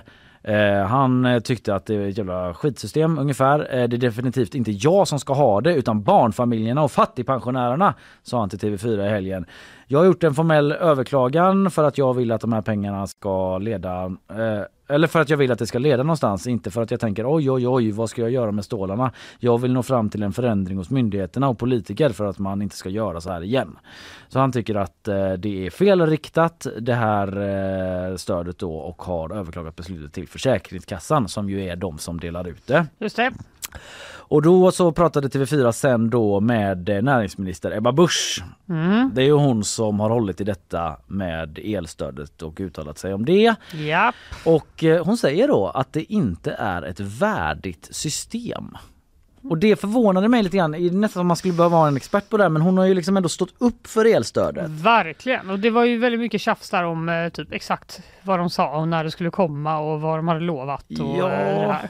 Precis och sen var det det här med att man inte skulle, att det skulle vara sekretessbelagt Mm, om vem som får och sådär och sen var det nyheter om att liksom någon hade fått typ så, alltså hundratusentals kronor, det var vä- väldigt mycket pengar. Ja, det var väldigt mycket pengar. Eh, som det Just det, och folk om. var så här, var det verkligen en privatperson? Ja precis för att folk som också eh, hade egna företag hade fått eh, privat elstöd fast det var för deras företag och försökte skicka tillbaka. Vi hade den här väldigt eh, karismatiske bilmekaren i Lerumstrakten som vi Just lyssnade det. på som också försökte skicka tillbaka pengar. Ja, han, han var sur. Han vill inte ha så mycket pengar. Ja, han var sur. staten. Han var också en profil. Han blev väldigt eh, uppskattad. Han hade sån jävla drag i göteborgskan också. Verkligen. Nåväl. Ebba Busch säger då till TV4 eh, att eh, det är, beror på att man utgår från ett fyrkantigt EU-system där man inte kan göra den typen av skillnader man vill. Eh, hon tycker liksom att det fungerar eh, dåligt och att det inte är behovsprövat. Att det inte utgår från ja, behoven helt enkelt. Men okej, hon är kritisk mot EU EU-reglerna i det hela. Ja, hon skyller på EU, det är EUs fel. De har ett Ja, okej. fyrkantigt system. Och så säger de så här, Jan Emanuel behöver inte en krona till. Oh, oh, Men den här barnfamiljen, han är set for life. Inte en spänn ska han ha. Eh, Men den här barnfamiljen skulle behöva mer och det bygger ju på att eh, man har betalat in... eh, Det, eller förlåt, nu läser jag för snabbt här. Och det bygger ju på eh, att ju mer man har betalat in i systemet desto mer har man rätt att få tillbaka. Mm. Och det är därför jag säger det här att det inte är ett värdigt system. Ett välfärdssystem ska inte hålla på med elstöd. Okej, men då blir man så här. Ja, det kanske är EUs fel då om hon säger det. Men det är Kanske. ändå de som har infört det. Jag bara väcks mycket frågor. Då kanske man Ja, hade kunnat det så här, antingen skita i det eller hitta något annat sätt att dela ut det på. Jag vet inte. Det känns eh, lite konstigt att skylla det på EU. Alltså, har Känns inte så det rent. Nej, det är någonting. Det väcker fler frågor. Jag tycker inte riktigt man får svar på de frågorna i den här artikeln. Hon säger i alla fall, Ebba Busch, att liksom problemet grundar sig i att Sverige inte producerar tillräckligt med el. Det blir ett lite långt citat här igen då. Mm. Men ett välfärdsland som Sverige ska se till att ha nog med egen kraftproduktion för att hålla nere priserna. Se till att de är stabila och se till att det finns där, de, där det behövs, när det behövs. Vi har tyvärr effektbrist i flera delar av landet och det måste vi komma ur. Okej, men där, går, där pratar de ju bara om vad som är bakgrunden till att det är så dyrt med el och Mm. inte själva systemet. Ja, jag, ba, jag bara mm, känner att eh, det tarvar vissa följdfrågor Alltså, kring verkligen. eh, om man nu eh, har genomfört det här fast det typ inte går att genomföra på ett värdigt sätt. Nej, det är just ordvalet också. Ja, Ovärdigt. att det är totalt ovärdigt. Mm. Men vi gjorde det ändå. Och nu vill jag bara säga att jag vet att det var ovärdigt. Ja, det vi, vi, gjorde. visste, eller så här, visste de att EU eller det visste de ju för att det blev Ja. att det föll ut på det här sättet att man sa nu genomför vi något ovärdigt Ja. för det är värt det. Ja, Ironiskt nog så är det ovärdiga värt. det var det vi trodde att de tyckte. Ja, eller liksom för, vi, förstod man först i efterhand att det skulle bli. Det kanske är någon som kan jättemycket mer än mig än det här som tycker att jag svamlar nu som en idiot. Men eh, jag tycker att vissa frågor väcks och eh, i vilket fall, Jan Emanuel får rätt. Det är ett ovärdigt system.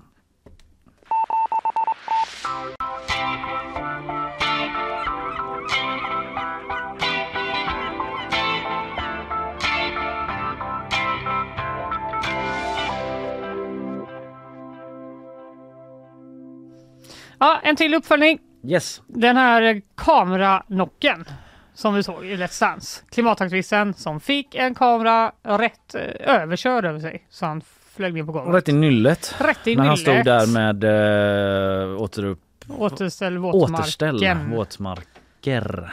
Ja, na. Nah, ja. Det De är ju med överallt hela tiden. Ändå har inte den satt sig Jag riktigt hos dig och mig. Jag inser det nu. Det är något som har gått riktigt fel här i deras Men kampanj. vi är lite trötta här nu. Luften Ja, börjar bli dålig. Mm. Det är väldigt dålig luft här inne. Ja. På riktigt. Men i alla fall. skitsamma. Mm. De eh, stormade ju scenen i finalen eh, på Let's Dance i helgen och eh, en av dem då, Otis Geyer, blev knockad i huvudet med eh, en kamerakran när han vecklat ut en, en banderoll på scen. Mm. Och nu säger TV4s programdirektör Erik Westberg att det var oavsiktligt. Vi diskuterade ju detta igår, Just för det. det. ser sannoliken inte ut som det. För den Nej. kommer med en riktig fart och kraft. Men jag var ändå inne på att det måste vara en olycka någonstans för det är för sjukt om någon det är bara lite agerar för så. ag- aggressiv eh, fällning av den här personen. Ja, Eh, numret är planerat in i minsta detalj och om någon eh, dyker upp på fel plats så går det inte att stoppa en sån olycka, säger Erik Westberg. Vi är glada att det gick bra för honom, det kunde gått illa. Men då undrar jag Mm. typ om en dansare så dansar lite fel. ja. Charlotte Det Kalla finns får inget utrymme feeling för det. liksom. Ja, Exakt. Hon bara, ändå final. Ska jag inte köra en liten eh, liksom. Ja. ja, men han den där Otis eller vad han hette då. Han står ju ändå ganska långt ut på scengolvet. Ja, det gör han. han är nästan framme vid publiken. Ja, eh, Otis själv säger att det är helt okej med honom och att han inte tog någon större skada. Ja, det var väl bra. Det då. var ju ändå skönt med Mm. tanke på att det ser verkligen ut som att det skulle kunna göra ont. Men detta har också lett till eh, fler nyheter va? Mm. SVT skärper nu säkerheten efter den här klimataktionen Okej. i Let's Dance som ju då sänds i TV4.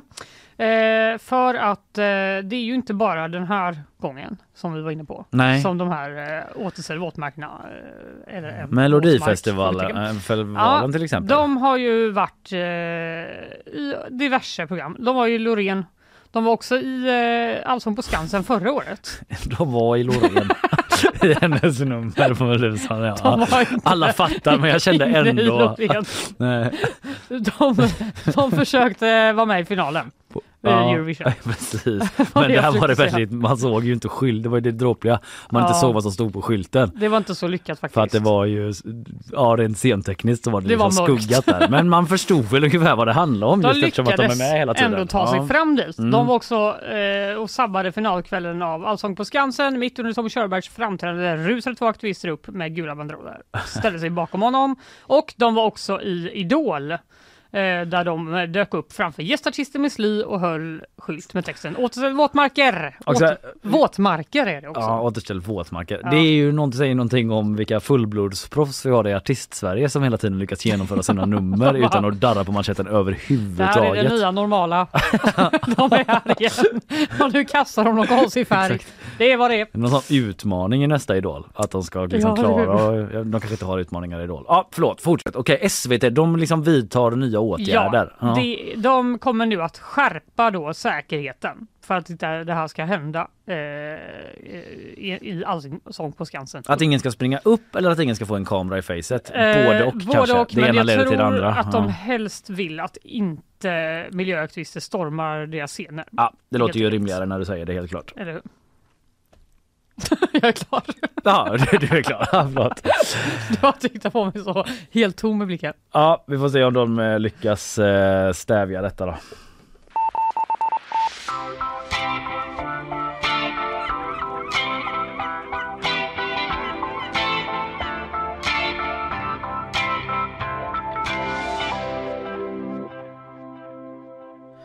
Ja, eh, P4 Väst, eh, P4 granskar har de en vignett som heter eh, De har tittat på film i väst och deras eh, notor efter fester som de har haft. Det vill man ändå inte att någon ska gå igenom ens nota efter festkvällen man har haft va? Nej, det vill man inte. Nej, man vill Inte ju knappt sin egen. själv gå igenom det. Nej, Nej. exakt. Men det visar sig att den är en rekordhög då för regionens filmbolag som det är. Det är ju Västra Götalandsregionen va? Så är det. Eh, Och eh, kostnaderna för representation särskilt Mhm. då är det som har ökat kraftigt. Det är för det har gått så bra för Ruben Östlund. Ja men typ att det är det eh, lite grann. Eh, Ja. eller, det är också det att det har varit en pandemi då eh, tidigare som gjort att man kanske har haft färre get-togethers av olika slag. Men eh, det är också så att eh, man hade fest för Ruben Östlund. Vi ska lyssna lite här. Eh, P4 eh, i ett klipp då radar upp vad olika saker har kostat Mhm. eh, och vad det är som har kostat då när man har haft ett 30-årsjubileum för bolaget Film i Väst. Det är en Mm. sak som man firade. Men också då framgången med Tri- Triangle of Sadness som man firade med ett cocktailparty. Bolagets framgång med filmen Triangle of Sadness som fick Guldpalmen vid Cannesfestivalen firades med ett cocktailparty för 55 000 kronor. Där bjöds det på 50 flaskor rosévin, kanapéer och macarons med smak av vanilj och kokos. Vid ytterligare två firanden har det bjudits på mat och vin för 30 000 kronor. Och när det gäller återhållsamheten så är vi väldigt noga med det. Ja, lite taskigt inklippt eh, att han ska få säga precis efter de här makaronsen att de är jättenoga. De var, vi är jättenoga men vi vill också ha det dyraste Ja. som finns. Jag vet inte varför Emelie börjar skratta jättemycket Var det åt det här med kokossmaken. Ja, detaljer är kul. Ja, det är kul med detaljer. Väl jobbat. Förutom för Film Väst Ja. som måste få bli outade på det här sättet. Ja, enligt regionens regler så ska alkohol inte finnas vare sig internt eller externt då på olika Okej. tillställningar. Men eh, representa- representationskommittén kan få undantag, s- eh, berättar P4. Och eh, den vi hörde på slutet där är Mikael Felenius som är VD Mm. Film i Väst, det var han som sa det där med att de var noggranna men han förklarar också eh, typ när man tar fram alkoholen då. Undantaget i vårt fall utnyttjas eller används så är det ju i samband med premiärer och filmfestivaler där eh, vi, eh, som precis som våra kollegor ute i Europa, arrangerar någon form av sammankomst där man kan bjuda på eh, ett glas vin eller två. Varför är det så viktigt att servera alkohol? I vår omvärld så, så måste vi ju kunna på något sätt vara representativa och göra det som alla våra andra samarbetspartners och kollegor gör ute i branschen. Men om alla kollegor bju- bjuder på koks då? Ska ni... Nej, frågan nästa. Nej, det gör de inte. Men någonstans kan man ju förstå att eh, det, man blir inte så attraktiv Nej. filmfestival kanske. Alltså om de säger kom på vårt cocktailparty, ni Mm. får lite Pommac. Precis. Hur många coola gäster tror ni de får då? Hade Woody Harrelson kommit då? Nej, Det gjorde han kanske inte ändå. Jag minns inte. Men han var kanske var på festen. Jag vet inte. han kanske får det. Men man förstår ju att eh, det finns en bransch eh, som bygger på mingel och flärd och sådär som kanske inte liksom gifter sig med den typen av eh, regionala riktlinjer eh, som man också måste förhålla sig till. Mm. Men i vilket fall så har det gått upp då 55 000 kronor för ett cocktailparty. Mm. Är det så fel? Nej, men är Ja. det, det är ju mycket pengar liksom. Men alltså var det inte 50 personer? Eh, jo det var det nog. För det tycker jag låter ganska dyrt. Ja det låter ganska Tusen kronor per person. Det är svårt att bedöma men det är i alla Vad fall eh, något, herregud? rekordhög festnota då för eh, Film i Väst och eh, ja, med eh, framgångar kommer också utgifter kan vi konstatera.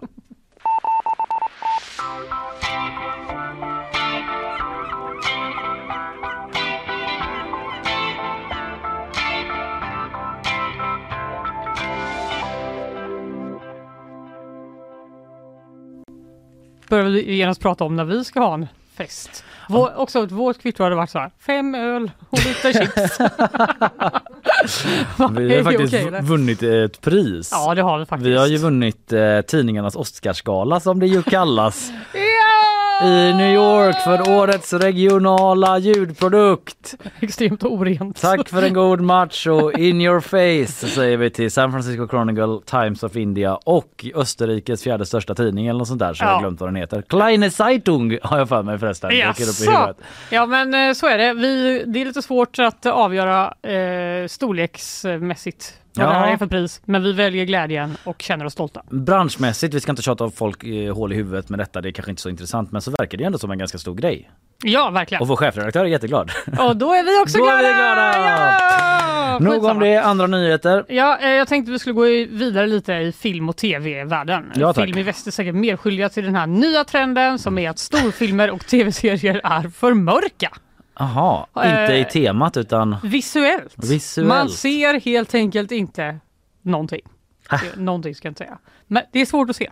Mm. Eh, nu när ny, det var två nya storfilmer och tv-serier som de då hade eh, som exempel här.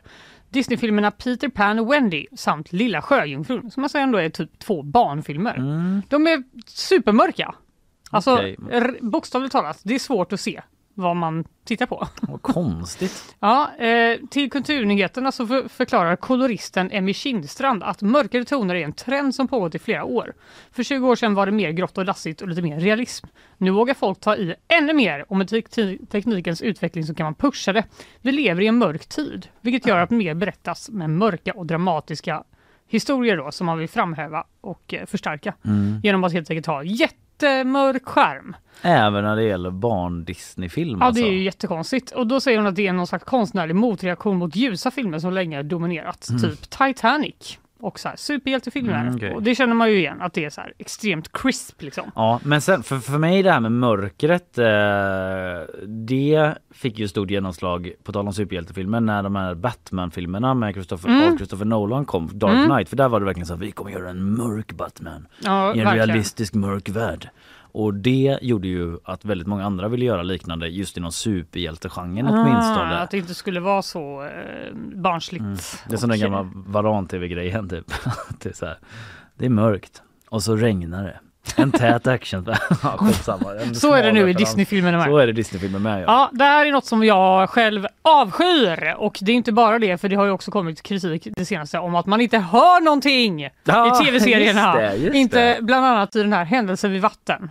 Att man bara, det går inte att höra någon dialog. Och jag har För alltså att de har liksom text- skrivit upp bakgrundsljudet så mycket typ eller? Ja, alltså det är väl lite oklart varför. Den fick ju väldigt bra kritik, men just att många var så här, det är väldigt svårt att höra. Alltså de Mm. artikulerar typ inte ordentligt. Nej, Och okej. man hör inte vad de säger i, generellt då. Men det står här att det, skulle, att det beror på dåligt ljud, ett missförstånd. Det säger i alla fall ljuddesignen Per Nyström. Det handlar om ett förändrat formspråk inom film och tv-branschen. Man, att det, men det är mer täta, eh, förr var det täta bilder, nu är det mer helhetsbilder och miljöbilder. Som Mm. vid händelse vid vatten då. Det är inte så Ja, mycket det är dialog det ju som... verkligen där. Ja, det är inte Kanske så här att kunnat- de sitter så här, Nej. utan då blir det mer typ Skulle kunna säga att man hade kanske kunnat stryka en miljöbild ur den serien.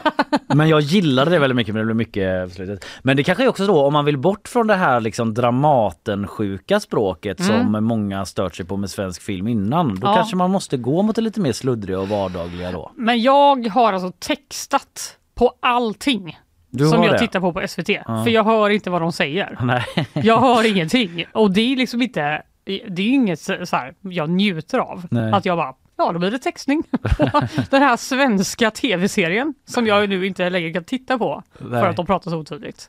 Utan det är ju liksom, jag det är ju något som gör att jag känner mig fruktansvärt gammal. Ja, jag förstår det. Och det, ja, därför säger jag så här, bring back den övertydliga Dramaten svenskan. Jag saknar den så mycket. Ha gärna lite mer ljus så jag ser vad jag tittar på. Ja. Det är bara krav jag har. Du kanske bara ska gå, börja gå på teater Fanny. Ja, det får väl bli så.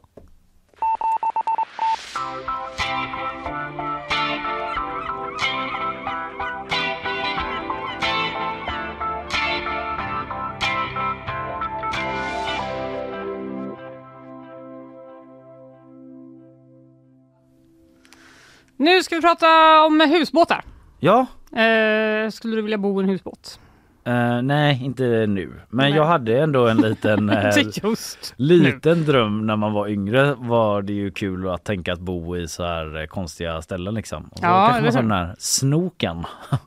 Kommer du ihåg den? Nej. Den eh, SVT-serien. Vad var det? Ja men det är någon Hur var ljud och ljus i den? Ja du det var nog Dramatensvenska och liksom mer grådassigt. Men det handlade om Mm. någon sorts privatdetektiv som har en hund och bor på en båt. Mhm. Då kanske man kände bara wow, you Det skulle man kunna that. göra. Ja. men eh, din dröm från då kan bli, möjligtvis kan Mm. bli sann nu. Grattis past Eh. Kalleberg.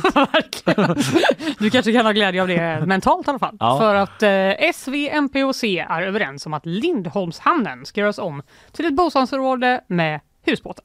Ja, De har gett eh, kommunen i uppdrag att börja planera det här nya, nya området. Det är ett attraktivt läge, säger Centerpartiets gruppledare Emily Bönfors. Ja. Det får man ju verkligen säga Mitt ute på älven. Absolut. Men ändå väldigt nära eh, centrum, där vi är. Lindholmen. ju, man Ja, säga. om man får åka husbåten över älven ja. Det tror jag inte man får. Man får Eh, hoppa på älvsnabben. Eller hur? De kommer helt enkelt gå vidare då med det här förslaget att göra dem till permanenta husbåtsplatser.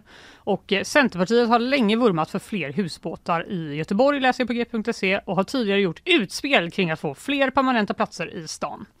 Eh, nyligen fick man exempelvis igenom att husbåtar ska utredas inom ramen för ett förarbete om vad som ska byggas vid Stenasterminalen. Alltså även på andra sidan älven. Ja det är ju ändå ett väldigt eh, liksom eh, det, det kommer ju verkligen göra någonting med stadsbilden runt älven. Eller hur? Det kommer se liksom ut som en helt annan stad om det bor massa folk i husbåtar helt plötsligt. Ja, det låter ju ganska coolt men eh, Men eh, alla tycker inte det här är bra, Nej. Kalle. Det är inte helt okontroversiellt som det står i den här artikeln. Eh, tidigare planer har fått avbrytas efter kraftig kritik från grannar som anser att det vore högst olämpligt med ett tillskott av husbåtar. Ja, det tycker grannar. Ja, Vad de tycker att det är att man privatiserar området. Alltså vattnet helt enkelt. Ja just det. Och det kan man ju förstå att man kan tycka då. Det Mm. ska vara tillgängligt för alla göteborgare. Men eh, det tycker ju även då eh, Centern här. Vi har till exempel lagt in förslag om att ha offentliga lokaler, till exempel restauranger i hus, någon av husbåtarna. För att värna om tillträdet till vattnet. Mm, Okej, så det Så ska det bli ser som ett liksom- litet bostadsområde helt enkelt Ja. med liksom verksamheter också då? Jag antar att de tänker att det ska vara liksom som vilket, vilket bostadsområde som Mm. helst. Så det är inte bara du som bor på båten som ska Nej. få gå på bryggan. För det tycker jag ju, eh, jag, jag, jag har sagt det men jag bodde ju i Stockholm ett tag. Och eh, där, ja, men där på sina ställen så Ja. är det ganska mycket privata, eller det är bryggor men så finns det liksom så här små utbrytarbryggor som är avspärrade med lås och bom liksom. Mm. Och det ger ju en liten tråkig känsla. Ja, det får man ändå säga. man bara ser fan, där, för där badar man ju mer inne i stan än vad man gör det. i älven Där hade man kunnat hoppa i. Ja, men du. då går inte det. För det är låst. Nej. Ja, jag vet inte. Det låter, det låter coolt men jag förstår ju att det som i alla frågor finns många argument eh, från olika håll. Då. Så är det. Mm. Hampus Magnusson då, moderat och Mm. andre vice ordförande i stadsbyggnadsnämnden. Han är ändå i grunden positiv till att prova nya lägen för till exempel studentbostäder då, Mm. som det skulle kunna bli. Okej. Eh, men samtidigt så säger han att det är viktigt att husbåtarna inte förfular Göteborgs strandpromenad. Ursäkta. Det Mm. måste hålla hög kvalitet så det inte blir någon rövarkaj. Det måste vara estetiskt tilltalande. Ja, Jag vet inte vad, vad tycker du om vår strand, strandpromenad som vi har idag? alltså på den här sidan där vi sitter så är den väl eh, inte supermysig liksom. Det är ju Nej. Stena Line och allt där. Men eh, där på Lindholmssidan så är det ju ändå en, en en, vad fan, vad heter det, boardwalk liksom? Ja, en är det kaj där man kan gå, De har ett ju stråk. faktiskt gjort det ganska trevligt. Jag brukar gå där Det har de ofta. gjort. Och så är det de här otroligt generiska affärslokalerna. Ja, Med så- precis. Caféer med eh, väldigt typiska namn. Räkmacka och, och, sån eh, King of India, Thai kusin. Ja. liksom, eh, ja, Ja, men det är se någon, eh, man ser att det är någon som har fått det i lite så uppdrag. Mm. ha, här ska man ha en liten butik. Mm. Men det finns en ganska lång eh, och matig artikel om detta om man vill veta ännu mer. Men Mm. det pågår helt enkelt ett eh, arbete. Kanske blir det husbåtar. Kanske blir det det. Det finns ju också en eh, ganska fin artikel, lång eh, artikel menar jag, eh, om eh, pooler som är klara ute Just i det. Frihamnen. Det är ju också ett kärt ämne Ja. för eh, många göteborgare. För nu har det väl varit stängt va? Nu hittar inte jag den artikeln. Nej, man kanske får liksom logga in. Jag vet inte om vi har tid att ens ta den, men... eh, Nej, men väldigt kortfattat så kan man väl säga att de kommer öppna det här badet i Frihamnspyren där det nu ska bli eh, två bassänger med havsvatten där man kan bada. På Mm. tal om det du sa om Stockholm. Man kan ju inte bada här va? Nej precis, Eh, man kan ju bada i älven. Alltså jag har sett folk som hoppar där ute vid Lindholmen ner men... eh, Kan jag... och kan men det är ju typ gift i Ja, vattnet. Så... vi har ju rapporterat om cyanid. Exakt. Om man i älskar att bada i cyanid så går det jättebra. Ja, Men, man eh, kan i alla fall på vår sajt tjuvkika. Mm. Som det står i rubriken på den här poolen när de håller på att bygga den. Finns ett litet bildspel här och... I helgen öppnar det. 2 juni. Det är ju mitt i den här festivalen. I Hur ska de hinna samband med, med allt? jubileumsfestivalen. Ja, tre nya bassänger varav två ma- saltvatten. Entrén är gratis men eh, notan för parken ligger på 250 miljoner kronor. Så All right. it's all, det beror på vad man har för perspektiv. Ja. ja, vi får se på fredag kommer vi eh, prata lite mer eh, om den här jubileumsfestivalen för det är ju då den börjar. Just det. Och eh, ja, det är en jäkla massa artister som kommer till stan, Suede bland annat. Men det tar vi då. Bolag. Oj, nu skulle vi inte lyssna på Film i väst igen va? utan vi ska lyssna på det här. För vi ska sammanfatta lite vad vi har pratat om idag. Jag eh, pratade ju inledningsvis om eh, Kosovo. Just det. Närmare herregud. bestämt norra Kos- Kosovo där eh, pro-serbiska demonstranter sammanstött med NATO-styrkor där 25 NATO-soldater skadats. Ja. Och du eh, var först i Uruguay. Japp, där är det torka och dricksvattnet håller på att ta slut. Därför blandar man upp det med saltvatten. Just för det. eh, nöden har ingen lag när det gäller vatten. Va? Och så pratar vi också lite om den här spionvalen. Valdimir. Valdimir som, eh, som siktats i Hunnebostrand då. Japp. Vilket blev en eh, trampolin, en hoppplanka. Jag vet Japp. inte vad man säger längre. Men en till segway. Segway till dagens gäst Kenneth Lundin, marinbiolog vid Naturhistoriska museet här i stan som kom och berättade lite mer om sådana här vitvalar men också späckhuggare ju som Ja. eh, siktats eh, vid kusten och han eh, kom ju med chockerande uppgifter om att en hel flock har etablerat sig här längs kusten. Otroligt. Ja, lyssna på podden. Den kommer ut med eh, ny fart här Ja, efter eh, ny snabbare sändningen. Yes. Vi säger tack för idag. Hej då! Hej!